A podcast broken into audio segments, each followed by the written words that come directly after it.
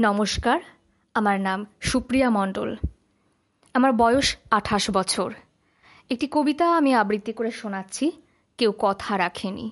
কবি সুনীল গঙ্গোপাধ্যায়ের লেখা। কেউ কথা রাখেনি, তেত্রিশ বছর কাটল। কেউ কথা রাখেনি। ছেলেবেলায় এক বষ্টুমি তার আগমনী গান হঠাৎ থামিয়ে বলেছিল শুক্লা দ্বাদশীর দিন অন্তরাটুকু শুনিয়ে যাবে। তারপর কত চন্দ্রভূক অমাবস্যা চলে গেল, কিন্তু সেই বষ্টুমি আর এলো না।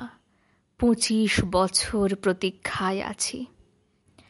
মামাবাড়ির মাঝে নাদের আলী বলেছিল বড় হও দাদা ঠাকুর, তোমাকে আমি তিন প্রহরীর বিল দেখাতে নিয়ে যাব। সেখানে পদ্মফুলের মাথায় সাপ আর ভ্রমর খেলা করে। নাদের আলী, আমি আর কত বড় হব? আমার মাথা এই ঘরের ছাদ ফুঁড়ে আকাশ স্পর্শ করলে তারপর তুমি আমায় তিন প্রহরের বিল দেখাবে। একটাও রয়্যাল গুলি কিনতে পারেনি কখনো। লাঠি, লজেন্স দেখিয়ে দেখিয়ে চুষেছে লস্কর বাড়ির ছেলেরা। ভিখারির মতন চৌধুরীদের গেটে দাঁড়িয়ে দেখেছি ভিতরে রাস উৎসব।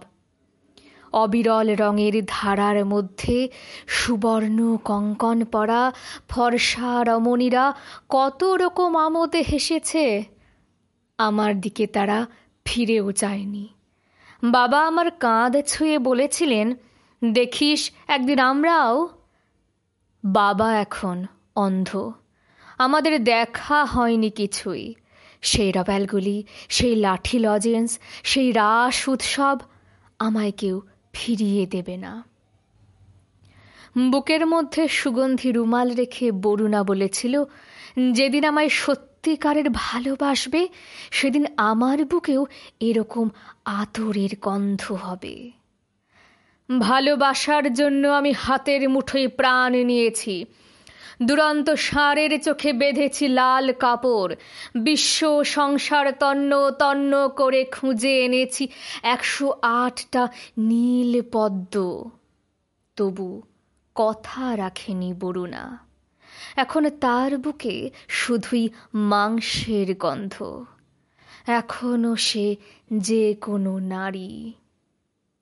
কেউ কথা রাখেনি।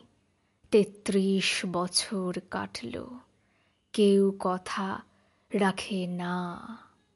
নমস্কার।